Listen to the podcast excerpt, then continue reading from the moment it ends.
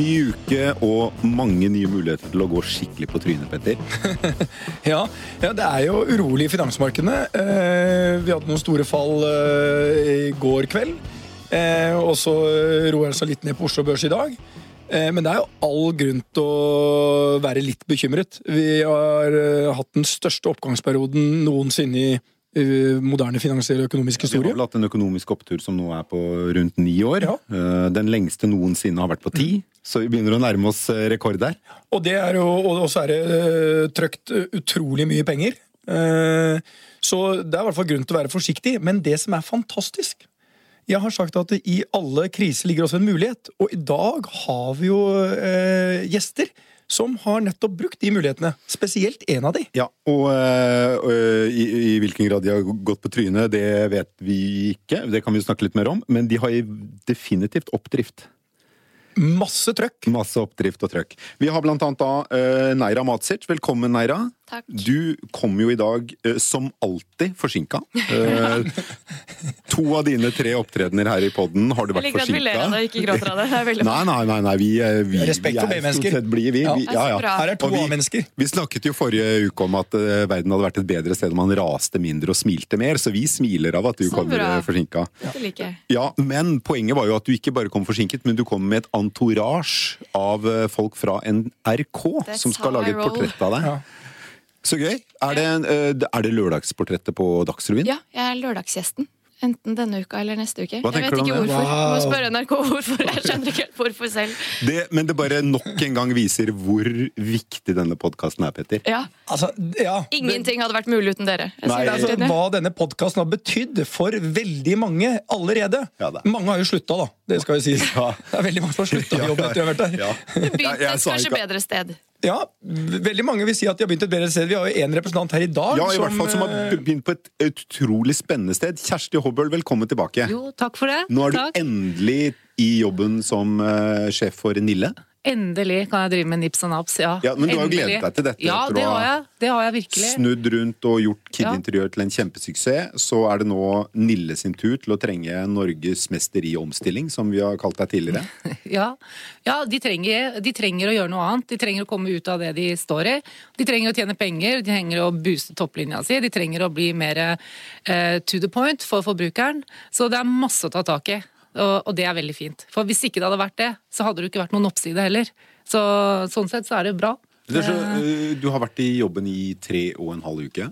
Ja, sånn Eh, cirka det, ja. Og eh, normalt så så bruker man jo noen måneder på å komme med en programerklæring, og man eh, snakker ikke så mye om hva man mener burde gjøres. Det er jo gjerne sånn vanlig god lederkutyme er jo å holde litt kjeft i begynnelsen og lytte mer enn man snakker. Men eh, det hadde ikke du tid til som leder, fordi du har allerede endret eh, hvordan butikkene kommer til å se ut i julehandelen. Du. Eh, ja, altså det, jeg, det går jo ikke an å holde kjeft i retail. Da kommer du ingen vei. Da dør du mens gresset gror. Eh, og i Nille så tror jeg jeg, de var, Det er kjempehyggelig å komme til Nille. Det er fantastiske mennesker her. Det er stort sett fantastiske mennesker rundt omkring. Du må bare få dem til å interaktere ordentlig. Og de var jo kjempeglade når jeg kom første uka. Eh, jeg vet ikke om de er så glad at jeg kom nå, men Fordi det er det er mer jobb på dem. Og, ja, men det, er med, det må jo hard lut til når eh, du må ta tak. Og det er ingen vei utenom en hard jobbing. Og du må knuse mange egg, og du må gjøre om på de tingene som man har kanskje tenkt var lurt før, da. Men, men nå, nå jeg må bare komme med en lite innspill. Det er jo ikke slik at uh, man begynner å tenke på den nye jobben uh, når, den dagen man kommer inn. Jeg vet hvordan det fungerer, for jeg har vært med både ansatt og uh, mista folk. Og idet du har signert, idet DNB kom til Kjersti og hun aksepterte oppdraget, da begynte hun å gå og se på butikkene. og jeg vil Da- tro lenge før du aksepterte ja, ja, og da, og da er hun i gang, liksom. Men Så- Petter, har du er jo kjent for å lytte mer enn du snakker. Så, så for deg er vel dette litt uvant Liksom... Nei, men jeg skal si en ting, er en ting som er viktig. Det er, Du har de gylne seks månedene. Altså, Det er for mange ledere som kommer inn og bruker for lang tid. Altså Execution, det er gjennomføringskraft. Å sette en dagsorden tidlig, bestemme seg for hvordan organisasjonen skal være, hvordan skal se ut, det er ekstremt viktig. Så det Kjersti sier her Jeg kom inn og la trøkket inn med en gang. Da setter du også 'Dette er sånn jeg leder. Dette er sånn det er det dere kan forvente av meg'. Så jeg tror det jeg hører nå, Det gjør meg veldig glad på vegne av DNB, som er bankens, eller selskapets eneste aksjonær. Ja, ja, og det er ingen vei utenom. Og hvis du bruker for lang tid, så, så mister du hele momentumet ditt. Og du må sette en ny organisasjon, og du må få den opp på speed med en eneste gang. For ellers så kommer du aldri dit. Hvis du, bruker, du har ikke 100 dager på deg, vet du. Du har én uh, dag pluss noen timer, og så må du vise handlekraft, for ellers så går det ikke. Og det er mye, mye bedre å ta beslutninger som kanskje blir feil, enn å ikke ta beslutninger. Ja. Men jeg må stille ett spørsmål. Jeg var sammen med Warner Brothers, nei, altså Warner-gutta som driver Cubus og Dressmann og alle disse butikkene, i et par dager nå. Og vi diskuterte masse varehandel. Hvor var dere? Eh, vi var i København eh, fordi de har også investert i et par hoteller. Og vi bygger jo masse flotte hoteller i København, som til stor glede for alle nordmenn som kommer til å bo på de hotellene i fremtiden. Men nok om det. Eh, vi var i hvert fall diskuterte varehandel. Og da eh, utfordringen der, og jeg er bare spent på, skjer dette i Nille også, vil nettet være en utfordring for det? Vi, noen spår nå at nettet kommer til å ta 20-30 av varehandelen. Mm. Det forandrer hele dynamikken også for Nille. Mm, Så hva, hva, hva, tenker Du må ha reflektert litt rundt Selvfølgelig. nett, netto. hva, hva, skal dere gjøre? Dere har basically ingenting i dag. På nettet, nei. Ja. Ingenting. Men vi er lavpris. lavpris. Og hvis du ser på hva, Det er vel Rustad som sier at de vil ikke ha netthandel engang. Fordi de er så lavpris at det er ikke ting det er verdt å kjøpe på nettet. Det er jeg litt usikker på om er sannheten. I hvert fall så prisshopper du på nettet. Så du må få opp en nettside som fungerer, sånn at du vet hva du kan få. Og vi gidder jo ikke lenger gå innom et sted hvis ikke de har det du skal ha. Styrken til Nille er jo at du har kanskje altfor mange butikker, men du har en lokasjon liggende tett inntil dagligvare. Og nordmenn går sånn i snitt 4,3 ganger i matbutikken i uka. Så hvis jeg bare klarer å få Nille-butikkene opp til, sammen med de i Nille, til å bli attraktive nok til å gå innom, når du likevel er innom dagligvarebutikken, mm. så tenker jeg at uh, her kan vi få noe til å skje. Jeg synes uh, Ulf Bjerknes, som jo uh, denne uken gikk på som ny konsernsjef i XXL, og har vært mye dramatikk i det selskapet. Aksjekursen har rast under den forrige mm. lederen. og Det er sikkert mange grunner til det, men det, noe Ulf Bjerknes sa i går altså onsdag denne uken, da, da, han tiltrådte, var jo det at eh, vi, vi har eh, kjørt racerbiler. Dette er fritt etter minne, det sitatet. Vi har kjørt racerbiler, men det funker ikke lenger. Nå må vi bli astronauter. Og han spåra at var det en tredjedel eller noe sånt av omsetningen vil om noen år være over nettet. Mm. Mm. Så uansett prisklasse så er jo en digital tilstedeværelse eh, ekstremt viktig. Ja. Også for Nille, vil jeg tro. Det, absolutt. Eh, men så må man ta first thing first. Og hvis det virkelig brenner nede i kjelleren, så må du få slukket den brannen før du kan begynne å innrede loftet. ikke sant?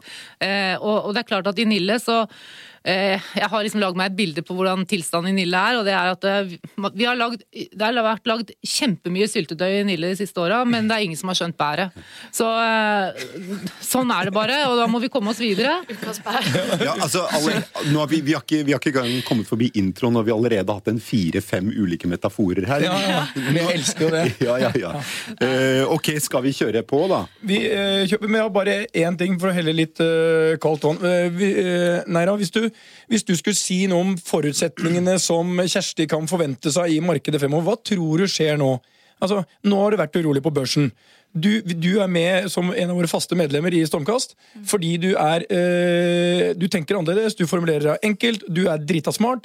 Eh, så hvis du skulle sånn, hva, hva, kan vi forvente oss nå? Jeg er jo like spent øh, på svaret ditt som Kjersti. fordi at øh, uansett så er vi litt markedsavhengige også. Ja, ja. Jeg tror vi får et langt mer urolig marked fremover enn det som har vært tilfellet de siste ni årene. Den eh, veksten vi har sett uh, i en så lang periode, og en såpass stabil, positiv vekst, det tror jeg er ganske lenge til vi får oppleve en tilsvarende ni- eller tiårsperiode igjen. Så jeg tror fremover at det blir kortere oppturer og kortere nedturer. At det blir veldig mye mer humpete. Som jo egentlig har vært mer vanlig, hvis vi ser sånn historisk Andre perioder, ja. Mm. Jeg tror vi kommer til å gå mer tilbake til normalen, og normalen er mer berg-og-dal-bane. Noe av det som brukes som begrunnelse for, eller no, noen, en del økonomer sier er en viktig grunn til at denne oppturen har vart så lenge, er jo at nedturen under finanskrisen var så eh, rask og akutt og brutal. ja. Og at dermed så er, tar oppturen også lenger. Ja. Vi har aldri i historien hatt en lavere rente. Det er jo det som har eh, virkelig stimulert alle disse men, investeringene. Men dette er jo farlig. Altså, vi har gratis vi, penger. Ja, det har vi hatt. Og så begynner penger å koste penger igjen. Og da blir det litt mer uh, motstand. Eh, og den veksten vi har hatt, altså, samme som i boligmarkedet i Norge og i aksjemarkedet, det, det er en unaturlig sterk vekst over en så lang tid.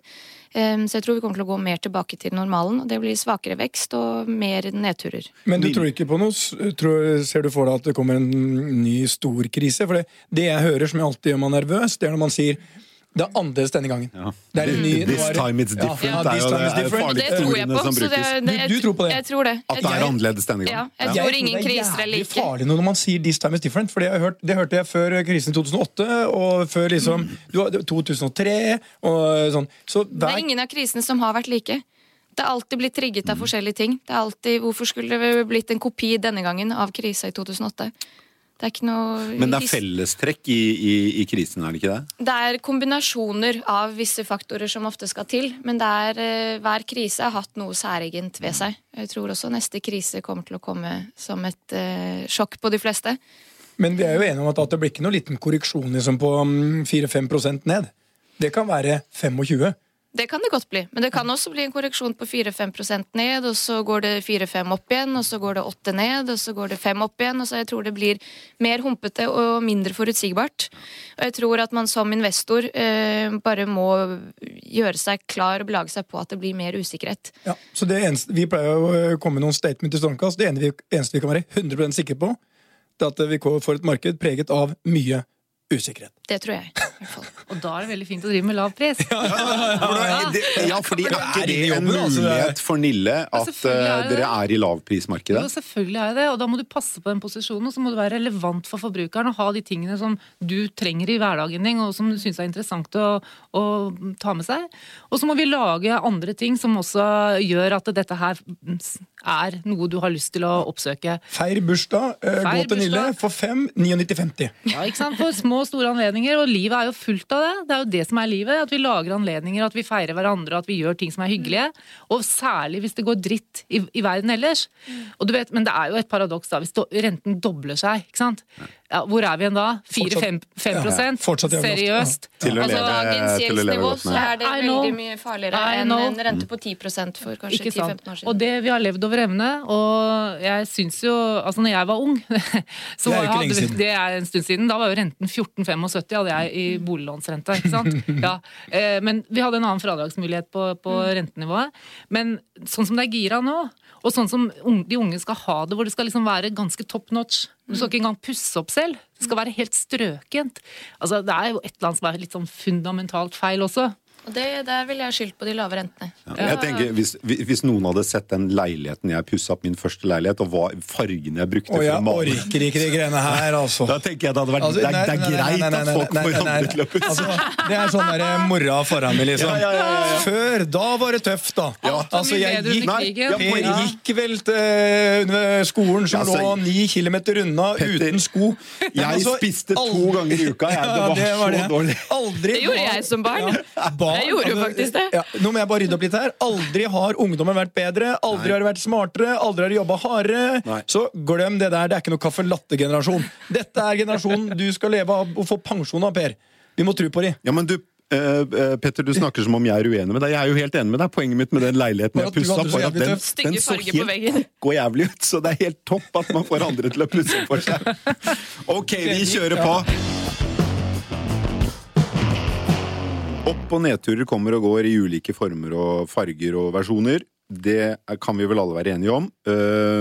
Alt var ikke bedre før, snarere tvert imot. En ting som uansett står i alle økonomiske tider, det er at det er etablerte bedrifter som kutter og optimaliserer virksomhetene. Det er nye bedrifter som skaper nye jobber. I all hovedsak er det sånn. Og I Dagens Næringsliv eh, denne uken så hadde de en oppsummering av eh, gasellebedrifter, som jo Dagens Næringsliv satser veldig mye på, eh, hvor det kom frem at eh, 3200 gaseller har skapt 47 700 arbeidsplasser de siste tre årene. Um, så kan man si at ok, men det 2, det er ca. 2,8 millioner arbeidsplasser i Norge. Så sånn sett så høres det tallet lite ut. Men hvis man tenker at det skapes ca. 50 000 nye jobber i året, og røftlig halvparten av dem har eh, de siste årene vært i privat sektor, så betyr det at hver annen jobb i privat sektor de siste årene er skapt av nye bedrifter. Så ø, nye bedrifter, gründere, eh, er ikke bare buzzord og noe som, man, som, eh, noe som er kult å være nå. Det er ekstremt viktig for å få de økonomiske hjulene til å gå rundt. Og eh, eh, eh, vi har jo snakket om dette mange ganger tidligere, men, men eh, hva er, som, kan vi snakke litt om hva er eh, viktig for at nye arbeidsplasser skal skapes? Sånn, tar det overordnet først. Hvordan kan man legge til rette for at flere nye jobber skapes? Bare legge til bitte liten ting her. Ja. Eh, Du nevnte gasellebedrifter. Det er litt symptomatisk at eh, DN eh, Vi tror at DN begynte med det, men de kopierte bare noe som DI i Sverige gjorde. Ja. Og det andre bildet som er interessant når vi skal snakke om eh, startups og nye bedrifter og gründere og entreprenører Jeg er mye i Sverige, og jeg føler at det er en helt annet trøkk på oppstartsselskaper. Helt annen respekt og oppmuntring av nye bedrifter og entreprenørskap i Sverige enn i Norge. Så når vi i Norge snakker om svenske tilstander, ja, et land som virkelig satser tungt på dette. Så det som er interessant, det er sånn eh, Nå skal vi komme til Neira og Bass. Du har jo For fordi Jeg pleier å si at eh, de fleste sier opp for sjelden. Um, Og du har jo et eget eh, lite startup. Bass Vesker. Vi kan jo markedsføre det Sekker. Bass.no. Ja. Vi, bare, vi har en nettbutikk og selger bare på nettet. Så ingen fysiske butikker. Men uh, vurderer ikke å selge hos Nille? mm, kanskje. Jeg vet ikke helt. Det er Hva eh, koster en. Bass-sekk? 2499. Nei, det er litt utenfor uh, Litt, Nilles eh, eh, Du får jo en halv høyest Nille-butikk for det. en en halv skinnsekk. Nille-butikk. Ja. Billigste skinnsekken, sånn omtrent. Men ok, la oss ta utgangspunkt i deg, Neira, som, eh, som ung gründer. Hvorfor eh, startet du med Bass-sekker? Det er en veldig lang historie. Eh, For å prøve å korte den ned, var at jeg hadde veldig vondt i nakken og skuldrene etter å ha gått med store, tunge vesker og trodde at jeg var veldig kul i mange år. Mm. Spesielt da jeg begynte vel i ungdomsskolen. Da skulle alle ha sånn monstervesker. Fulle av 10-12-13 bøker, og jeg fikk til og med skjev ryggrad. Um, Du vurderte aldri å snu på annenhver dag? jo da, jeg byttet på, men det er ikke, hvis jeg hadde en bok ekstra den ene dagen og tre færre den neste dagen, så var det ikke den samme vekten. Jeg fikk faktisk ødelagt rygg av det. Og så sa legen at du må begynne å gå med sekk, men det var jeg altfor kul til. Jeg følte at det ikke var noen kule sekker. Det er noe med sånne blå norrøna-sekker som tar bort noe av Ja, kulhetsfaktoren. ja, uansett. det var- Allværsjakka og kombinasjonen er jo ikke Og så skal du pynte deg, i hvert fall når jeg begynte å jobbe og skulle begynne å gå litt, sånn, litt mer elegant kledd, og så skulle jeg få på den syntetiske berganssekken, så bare følte jeg meg ikke fin. Tenkte jeg, her må det være et potensial for å lage en sekk som alle kan gå med, både på jobb og når du går ut på byen på kvelden. Eh, Skal på konsert, kan du ha den på ryggen. Altså, det er en enkel skinnsekk, en elegant, eh, som er behagelig å gå med. Så det begynte sånn, og samtidig, dette er et prosjekt jeg har gjort med samboeren min, som er musiker. Og han hadde veldig lyst til å lage en ny sekk til sitt trekkspill. Han lever jo av å spille trekkspill. Og disse trekkspillsekkene må koster det være en rundt veldig stor sekk. Det må være en veldig stor sekk, Altså, og de koster trekkspill for meg er 25 jo sånn, eh, det, det er jo kjempe Altså, Du må jo ha en 90 liters sekk. Ja, Hvor kult er det? Hans trekkspill veier 25 kilo. Hvor svær er denne sekken? Den er ganske svær. Kan du sove inn? Nei, det kan du ikke. Nei, Hvis du er bitte, bitte liten, så kan du rulle deg sammen. Det er jo sånn som du viser der, ja. Det får ikke lytterne se, men se for deg 25 kilo med Det er ganske tungt. Eh, og disse Det er som en stor sekk poteter, det. ja, Du kan putte hunden oppi. Ikke min hund. Nei, ikke din hund. Ikke din, hund, kanskje, men en annen hund kan eh, få plass oppi der. Men tilbake til da gründerprosjektet. Jeg bare se, hvor kul kan en sekk. Hvor stor kan en sekk som kan ta en eh, sekk poteter? Ja. kan. Ja, men da skyter hun at jeg Forrige helg var på telttur med eldste datteren min, og sekken min veide 34 kilo. Den var så tung at jeg måtte veie den. Men var det sekken fra Neira? Nei, det var det ikke. Det var en, okay. en norrøna. En helt koko bra sekk eh, for øvrig. Men eh, å gå opp dit på liksom opp, opp, opp med 34 kilo kilo Og på skal ryggen, ikke det vi er komme tilbake til mitt treningsregime? Det har vært innom i Stormkast. Det har vært innom tidligere. Og øh, det, vi, oss, det overrasker ikke meg, for å si det sånn. Det var tungt. Ok. Og så, eh, ja, men gründerprosjektet, da. Ja, Og så tegnet, eh, tegnet jeg noen sekker. Én eller to modeller først. Og så begynte vi å lete etter en produsent som kunne lage det her. Vi lette først i Bosnia, eh, der begge vi kommer fra, så vi hadde lyst til å hjelpe moderlandet og få stimulert eh, økonomien der nede. Vi var innom fire fabrikker der. Eh, fikk ikke til noe samarbeid i det hele tatt. Jeg følte at de hadde litt den approachen at her kommer dere og skal bare utnytte oss og tjene penger på oss, og vi får dårlig betalt. Det var litt sånn litt skepsis. Kanskje vi møtte feil mennesker. Og så kjente vi en i Ukraina. Som kjente en som har en skinnfabrikk som har holdt på i 300 år. En familiefabrikk. Så de får tegninger fra hele verden og produserer ting i skinn og skipper det ut. Så sånn begynte det, og så lagde vi nettbutikken bast.no helt på egen hånd. Lagde logoen selv, tok alle bildene selv, lagde visittkortene selv. Så vi har gjort alt selv. Men Men nå- hvordan går det? Det går bra, og derfor burde vi ansette noen. Ja. Men og, har et spørsmål. Mitt store greie er folk slutter for sjelden. Hvis du har en idé, slutt, gå for drømmen. Men vi, hvorfor kan. Men jeg trives jo så godt i prognosesenteret òg, som sjeføkonom Ja, du kan jo ikke slutte der, nå som ikke- Dagsrevyen er med på slep og Nei. lager reportasjer. Nå er det jo støkt der en stund, i hvert fall. For evig og alltid.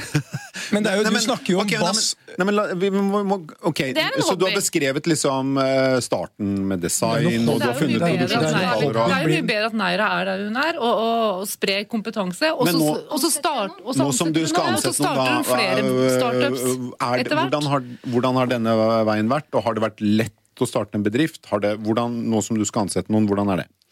Det har vært lett fordi jeg har hatt en annen jobb ved siden av, så jeg har ikke vært økonomisk avhengig av dette prosjektet. Eh, hvis jeg hadde vært det, så ville ting sett helt annerledes ut. Så dette er noe jeg har gjort og tenkt sånn Går det bra, så går det bra. Går det ikke bra, så gjør ikke det noe. Altså, det er ikke verdens undergang.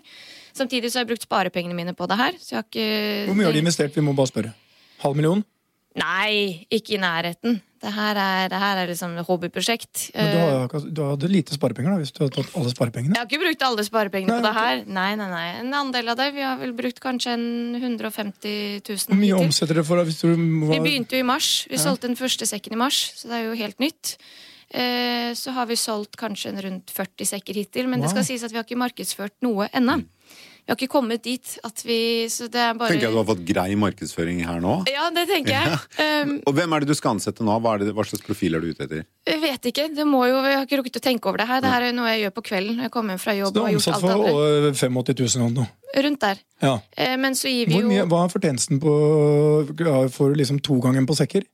Litt mindre enn det. Litt mindre. Eh, Det er eh, høykvalitetssekker laget for hånd. Men du bør ha tokalkyle bare sånn for å få dette til å rulle rundt hvis du skal ha Vi må mennesker. begynne å få større volum Ja. eh, på bestillingene. Og det sier jo produsenten nå. Prisen kommer til Men å gå ned. du husk at det koster eh, Si at det koster eh, 600 Hva sier vi, Kjersti? 650 000 med sosiale kostnader for et menneske. Og så må du ha en som er flink. Mm. Multitalent. Mm. Markedsføring, produksjon, nett. Alt. Mm. Så det blir i hvert fall 650. Hvor mange sekker har du tenkt å selge for å forsvare én person? Jeg tror ikke vi kan ansette en til 650 000 nå. Altså igjen, Dette er et hobbyprosjekt. Vi må begynne med en eh, praktikant, en trainee, en student som kan jobbe deltid med det her. Vi må begynne det små. Bra. Så hele prosjektet har vært baby steps. Det har ikke vært Men det kan jo hende at du for å få etablert merket merke faktisk må inn i en fysisk kanal også. Det I tillegg. Og det er det vi ser, at de som er kun nettbaserte, veldig ofte ønsker etter hvert som du ser at dette her har livets rett, at det er en fysisk kanal hvor du kan etablere brandet. Det er Eh, faktisk butikker som tar kontakt med oss. Ja, ikke sant? Det ønsker er å selge Ja. Men du trenger 750 sekker. Det i salg. deg frem til. Og da får Nei, du det bedre er do kalkyler. the math. Det er 750 sekker i salg ett år med to kalkyler. Da dekker du inn en person. Men samtidig så vil jeg ikke at det her skal Jeg vil ikke at alle i Norge skal gå rundt med en bassekk. Jeg vil at det, Det skal være noe Norge, vet du. spesielt. Men hvis det er på nettet, du kan jo svensker, dansker, finner altså det er jo, Jeg solgte en sekk til Finland i forrige du. uke. Ja, men Ja. det ser du, ikke sant. Det her kommer til å rulle og gå. Det er bare Nettet har jo ingen eh, grenser. Nei, det har ikke det. Ok, så uh, er det, um, Hvordan vil du beskrive det? Er det lett å sette opp alt som skal til for å starte en gründerbedrift? Igjen så har jeg hatt denne tilnærmingen at hvis jeg feiler, så går det helt greit. Så jeg har gjort en del feil allerede, men det har ikke stresset meg fordi jeg ikke lever av det her. Eh, Men jeg har øh, slitt litt med å finne ut av regelverket, eh, på toll, på hvilken varekategori dette skal importeres under, på frakt. Eh, Ene gangen tok det fem dager å få fraktet det, den andre gangen tok det halvannen måned. Altså det er sånn veldig uforutsigbart. Eh, Så det har vært veldig mye nytt. Jeg har lært mye. Det har vært ting jeg aldri har vært borti. Eh, Når det gjelder markedsføring òg, så har vi prøvd å tenke ut litt forskjellige strategier. Og så det vi hadde tenkt å kjøre på med, så møter vi en som er Facebook-ekspert, og så sier han det må du absolutt ikke gjøre. Det er det dummeste du kan gjøre. Du må gjøre sånn her. Og da var vi veldig glad for at vi ikke hadde kjørt den kampanjen på Facebook. før vi hadde snakket med han. Så det gjelder å, å snakke med folk som kan det. Ta til seg mest mulig kunnskap og ikke tro at man vet alt best. Men det, det, jeg, jeg elsker dette, det er, for det handler om alt det oppstartsbedrifter handler om. det er alle vanskelighetene, og det er alle de, kall det byråkratiske eh, hindringene du møter, som tar enormt mye energi, og som skaper frustrasjon. Og det er den veien vi må gjøre lettere. For vi trenger alle de altså ikke som deg nødvendigvis, men vi trenger alle de som vil gjøre et nytt bassprosjekt. Eh, på alle miljøområder. Om det er Og, og, og hvis vi da prøver å holde en rød tråd her også Ja, ikke sant? det er ditt ansvar. Ja, det, ja nei, men eh, jeg syns vi klarer det ganske godt alle sammen. Ja. Og så er det jo sånn at du, du er jo en gründer uh, i eh, detaljhandelsmarkedet. Eller ikke detaljhandel, men i varehandelsmarkedet. Riktignok i et annet sjikt enn det du opererer i nå, Kjersti. Men, men uh, er summen av alle neirene der ute en av de største utfordringene til Nille og andre etablerte kjeder innenfor detalj- og varehandel?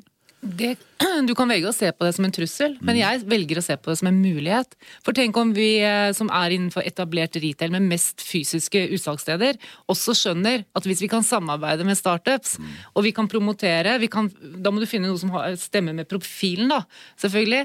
Men, eh, og, fordi da får du en eh, helt annen interaksjon. Og da får du også en fornyelse i sortimentet som også revitaliserer eh, den fysiske stedet å gå og ha en retail-opplevelse. Så jeg tenker at eh, vi må bli mye mer fremoverlent i tradisjonell retail hvis man skal kunne forsvare plassen sin over tid. Men det må skje noe mer også, ikke sant? Men utfordringen er ikke at det kommer for mange av disse, den type bedrifter. Det er altfor få Ja. innenfor Ja, hverandre. hvis du altfor ja. lite- hvis du Altfor ser lite. stort på det, men, men, Sammenlignet med andre land, men over tid i Norge så har det vært en veldig positiv utvikling. ja.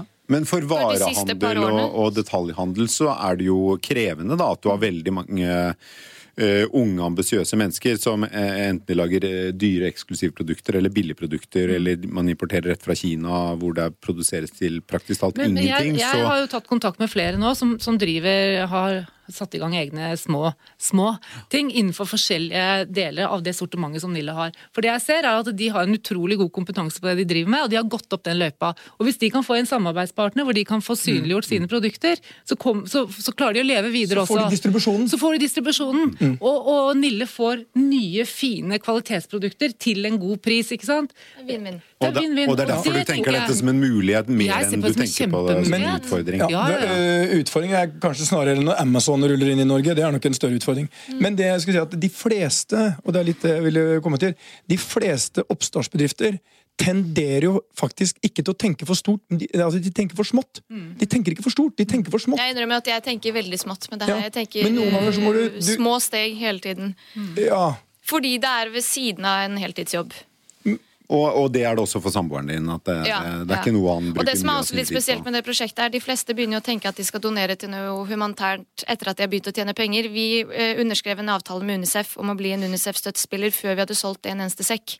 Så det var også noe av... Sånn at en andel av eh, eh, salgsinntekten går til Så UNICEF. det er først nå vi har klart å dekke opp for det vi gir til Unicef. Mm. Så i, ganske lenge så var vi i minus. Og jeg ga mine egne penger.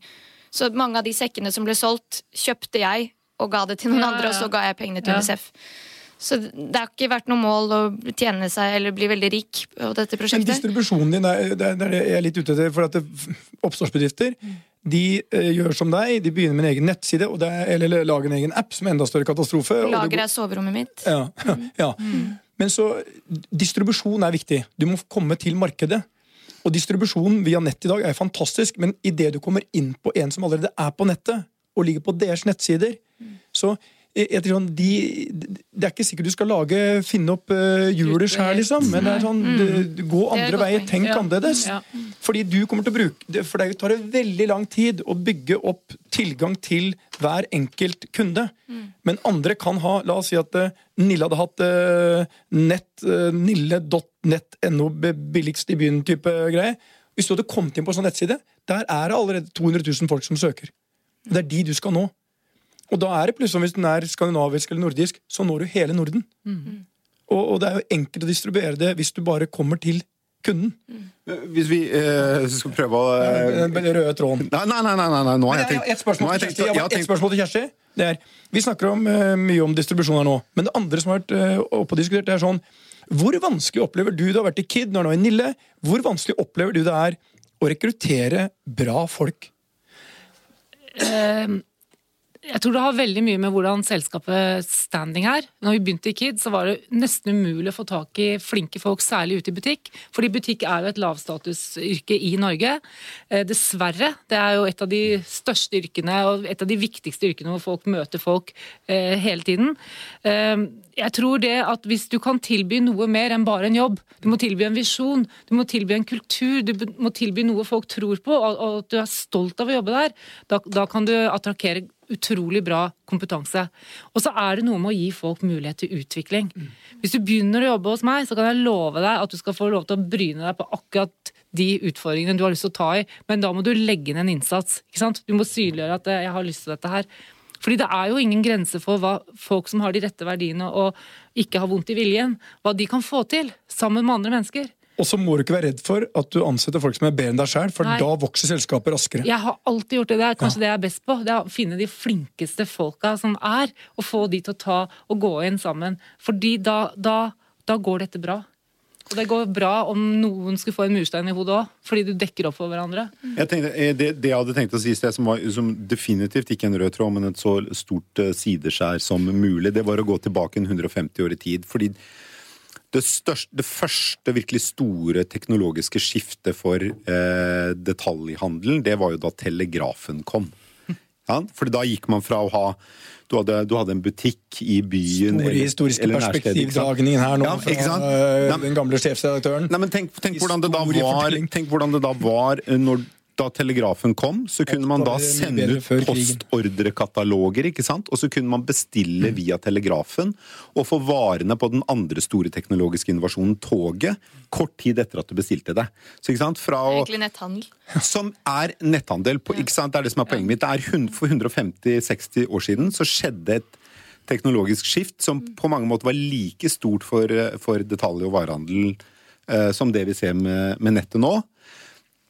Og eh, eh, eh, Poenget mitt med det det var at eh, det vi jo så som utfall av det, var at noen få ble svære giganter, sånn som vi ser med Amazon nå. ikke sant? Den gang så vi det med Sears, Roebuck og noen andre kjeder, som, som gikk fra å være lokale sjapper til å bli giganter, takket være den teknologiske endringen, og de utnyttet de endringene. Um, hvor stopper dette uh, i eh, detalj- og varehandelen uh, med de teknologiske endringene vi ser nå? Jeg tenker at det stopper aldri. Det stopper ikke. Det er bare hva vi, vår atferd eh, som styrer det. Men husk på at mennesker er mennesker, og mennesker ønsker å treffe folk. Vi ønsker å fortelle historier, vi ønsker å ha en opplevelse. Det er jo ikke sånn at hele Norge kommer til å sitte hjemme og trykke enter. Men vi ønsker å bruke tiden riktig, så det må være en merverdi der. Og det kan godt hende at Nille om ti år stort sett er på nett. Og at du får bursdagspakka di ferdig levert hjemme til treåringen, og konseptet er bare sakk, sakk, sakk. Jeg tror det er veldig formålstjenlig, men, men det vet jeg ikke. Det kan jeg ikke si noe om nå. Men er målet ditt med Nille at eh, si om ti år, da, så har de tatt det samme spranget uh, som det Sears Roebuck gjorde for 150-60 år siden, eller hva det er? Skal Nille gå til å bli en Tror du at Nille kan bli en mye mer dominerende aktør i dette markedet enn det er i dag? men men pga. teknologien, eller ser du for deg at Nille kommer til å være sånn røffelig Nille, men vi må bare endre litt hvordan vi selger det? Jeg tror Nille må, de må, Først må Nille komme seg tilbake til der det var. Eh, Det er én ting, å finne seg selv igjen. Eh, Og så må du fortsette en utvikling som hensyntar det kundene dine ønsker. Men sant? Kjersti, vi må jo være ærlige. Vi diskuterte dette tidligere i dag med et annet stort så jeg skal ikke si navnet, et sportsselskap som hele tiden pressa på på ekstrem vekst. Gikk inn i nye land og fikk, gikk på en ordentlig karamell. Og det jeg tenker på sånn, Hvorfor ikke bli verdensmester i Norden først?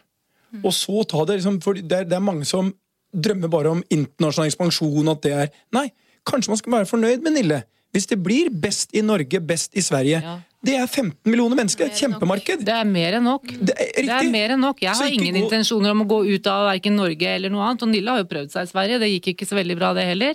Sånn at du må, jeg tror du må bli best med det du driver med først, Ja. før du begynner å tenke på noe mer. Jeg har jo vært Sant? børsnotert, og det, ma, det evige maset om at Petter, skal du ikke utenfor Norden? Nei, jeg skal bli verdensmester. Jeg skal bli best på hotell i Norden. Ja. Jeg vil heller det. Jeg vil heller være en stor fisk i en relativt liten dam enn en bitte liten fisk i en kjempedam. Og min forutsetning for å lykkes er mye større. Så kanskje er markedet for bass, da. Det er kanskje eh, x antall byer og x antall greier. Og så kan du leve bra av det. Og det er det jeg sier, Mange går der med en stor sånn elefant i magen, og det blir deres bane. Og Vi har sett det på retail mange ganger, Ja. og derfor liker jeg når Kjersti snakka til meg om Nille i dag. Så jeg likte alt hun sa. Altså, det, det, det, det, Jeg blir helt glad inni meg. Ja, det, det, er jo, det er jo ofte sånn at vi burde hatt på mikrofonen før vi går inn i studio, for det var en veldig interessant samtale om Nille før vi gikk inn ø, DNB ville jo grått av glede over å hørt liksom Ja. hvor, ja. hvor og, og, Kjersti- DNB eier jo Ja, Nille eier Nille. for, for alle Ikke praktiske formål. I, Det- det- det- det- høyst ufrivillig. Høyst ufrivillig. Ja. Men det å ha, og det der andre Du må ha liksom henda litt nedi grøten. Og det har, du må ha henda i grøten. Når du snakka til meg om ja, men De mista jo det. De glemte hva de var. Og tenk bare på det! Når en person sier 'de glemte hva de var'. Altså, Eh, Du skjønner at det kommer til å gå gærent da. Ja, og eh, vi, eh, vi begynner å nærme oss en slags slutt her. Men det er én ting jeg har lyst til å spørre om før vi runder av denne bolken, Kjersti. Litt tilbake til XXL også. Som er, det er en interessant parallell historie. Det er jo riktignok i et annet marked og en annen forretningsmodell enn den Nille har valgt. Men en av de mest interessante tingene Ulf Bjerknes sa i går, syns jeg, det var at eh, vi er nødt til å ta en runde med alle våre eh, utleiere. Fordi husleieprisene er for høye. Vi har ikke råd til lenger å finansiere eh, butikkene med den husleien vi betaler. Um, eh, som jeg tror er noe veldig mange innen detaljhandel kommer til å snakke om fremover. Næringseiendomsprisene eh, er laglig til for hugg. Er, er, er du i gang med allerede, eller kommer oh, ja. du til å gå i gang? Er du det, ja? Å ja. Er du gæren, da? Så nå er du på uh, utleierne? Ja. ja. Vi tar leiekontrakt for leiekontrakt. Og, og da er det så rått og brutalt at uh, når den leiekontrakten går ut, hvis ikke vi tjener penger på den butikken, da kan vi ikke være der. Har ikke råd til det. Kan ikke holde på med det. Det er helt feil. Eh, og enten så finner vi en løsning sammen med leietager, eller utleie, mener jeg, som leietager, eller så gjør vi det ikke. Og da må vi kanskje legge ned den butikken. Sånn er det. Men svaret på øh, Eller løsningen ligger sjelden i Det er én av veldig mange komponenter. Men øh, parallelt til den artikkelen når vi nå snakker om XXL Jeg var jo mest overraska over at øh, de snakka om hvilke utfordringer de hadde. Så snakka de om at de skulle fortsette å ekspandere i Østerrike, som er et kjempeproblem. Og for å please aksjemarkedet, sorry. Og når vi er ferdig der, da skal vi inn i Tyskland. For da, det hadde investorene sagt at det var bra. tenker jeg. Oh my god! Altså Før de har fått orden på butikken, så begynner de å snakke og bygge opp forventninger til Østerrike, som de taper penger i, sånn jeg forsto det, og Tyskland, som de ikke engang er inni. Altså, det er, da hjelper det ikke om du øh, skal refram re fram noen leiekontrakter og få ned leia 10% Løsningen ligger i butikken, produktene, og at du faktisk har et marked som er villig til å kjøpe produktene dine. Leiekontrakten det er en bitte liten komponent. For Nille så er det 4-5% av ø, omsetningen din. Nå tar jeg det rett fra hofta her. Ja, ja. Eller seks, kanskje. Ja, eller noe. Litt lavt volum, Ja. så Ja, blir det fort litt høyere. Men, Ja. men det er der. Så, så det, er- det, én av mange, og man skal angripe det òg. Men det er én av tipper ti punkter Kjersti har på lista si. Jeg tror det er en hindring for mange startups. Leieprisene. Ja. For jeg har selv sett på leielokaler for å åpne en liten eh, bassbutikk, og det er i, Oslo sentrum helt umulig. derfor du må eh, finne deg en annen distribusjonskanal. Men jeg ser for meg en bassbutikk med konserter hver kveld, med livemusikk og et helt annet konsept. Det skal være merverdi. Ja, ja, liveinnspilling. Det der, Nå er du på det der kaffeslabberas, eh, to glass vin og dette. Og mannen din skal sitte og spille trekkspill, og, folk skal kjøpe bassvesker. Glem det! Du Men ellers så kan kan du kjøpe det på nett. Hvis Nei, det ikke er noe merverdi men- i den butikken, så kjøper du det bare på nett. Men dette har mange prøvd i alle mulige varianter før. Nei, jeg har egentlig ikke sett det. Jeg har Nei, aldri sett en jeg- eh, sekkebutikk noen... som er konsertlokale hver kveld. Dette er Nei, men vi har hørt Jeg om har- bokkafeer. Det Nei, det er klisjé.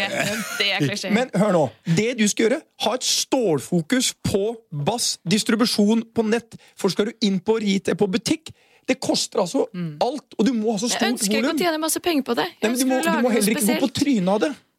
Nei, men det, jeg vil Så- heller lage noe spesielt. som Kostnaden din med er distribusjon på nett er nesten null. Kostnaden å være i butikk er, jæv- er veldig høy. Kjersti, er, du, Ja, det er er helt riktig. Så, ja. jeg eh, sett. jeg kunne ikke spørre Per nå. Det, var jo, det ville gått helt galt. For han ville gått på den der eh, trekkspill... eh, trekkspillgreiene. Det Jo, sa at i 1943 så kostet det en leielokal. Ja, ja, ja. Og da var trekkspill veldig billig.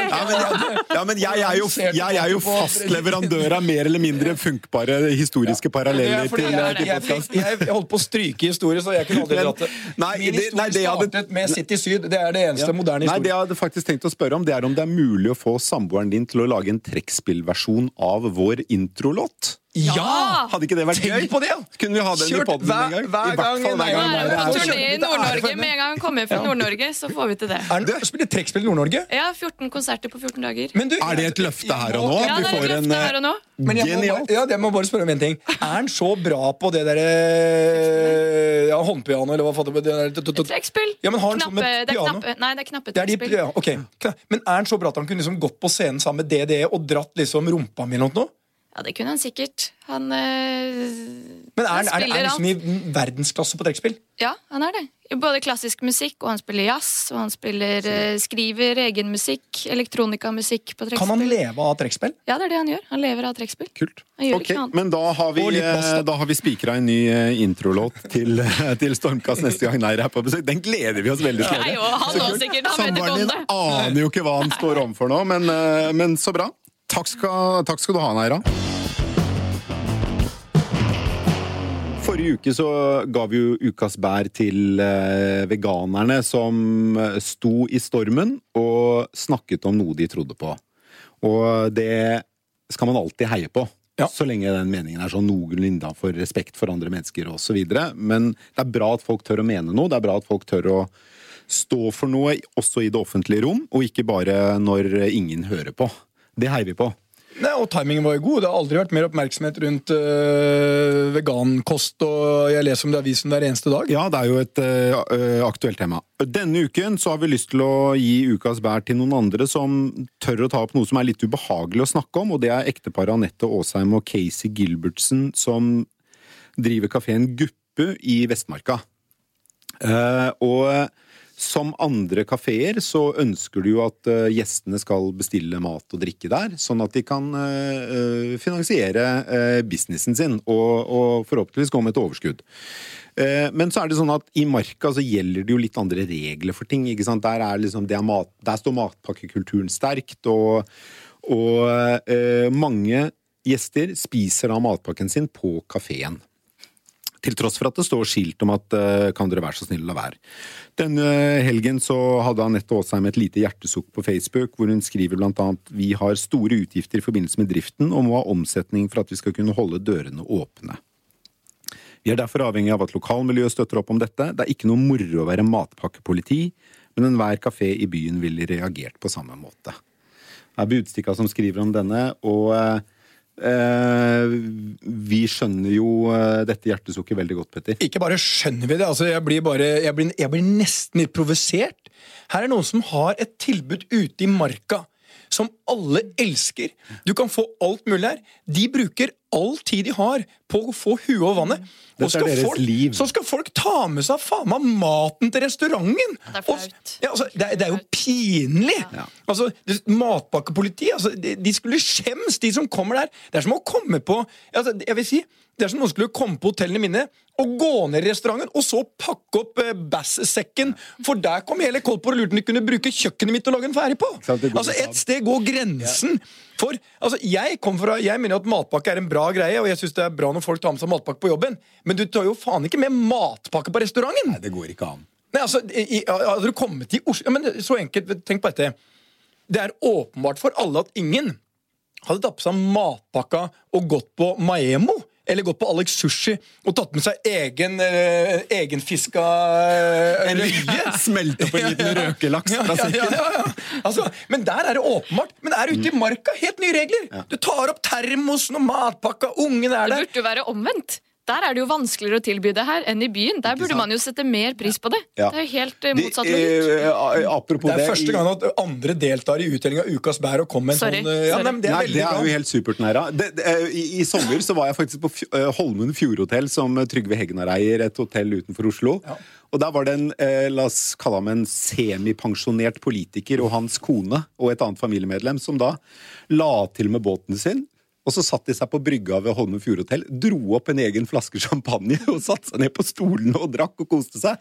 Og så kjørte de igjen. Jeg tror ikke Trygve Hegnar hadde satt pris på det om han hadde sett det. Nei, men det er noe som heter flaskeavgift. Hvis de betaler det, da. Hvis du har med deg egen eh, vin, Kanskje det var det, ja? så kan du betale flaskeavgift. Flaskeavgift. Matpakkeavgift er det neppe på så tipper jeg han hadde flaskeavgift. Hadde, Ja. hadde de hatt matpakkeavgift?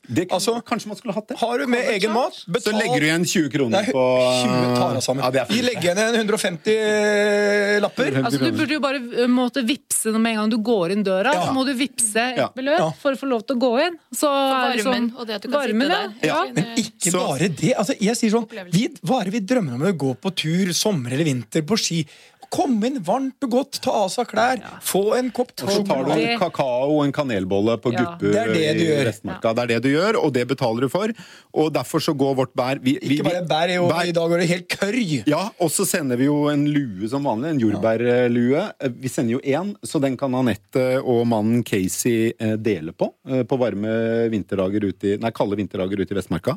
Så vi heier på dere. Eh, måtte kafeen gå godt. Ukas bær til Guppu. Guppu, det er ingen menneskerett å ha med seg matpakke på Guppu. Det er ikke det. Tusen takk skal dere ha. eh, Neira Matsic eh, og ditt entourage fra NRK. eh, og eh, Kjersti Hobøl, eh, sjefen for Nille, som eh, kommer til å gjøre en kanonjulehandel, det er jeg helt sikker på. Vi må takke Truls Johansen, som har produsert sendingen i Perplex. Og så går det vel et par uker igjen før vi, eh, før vi har en ny pod, Petter? Ja, jeg skal ut og ri.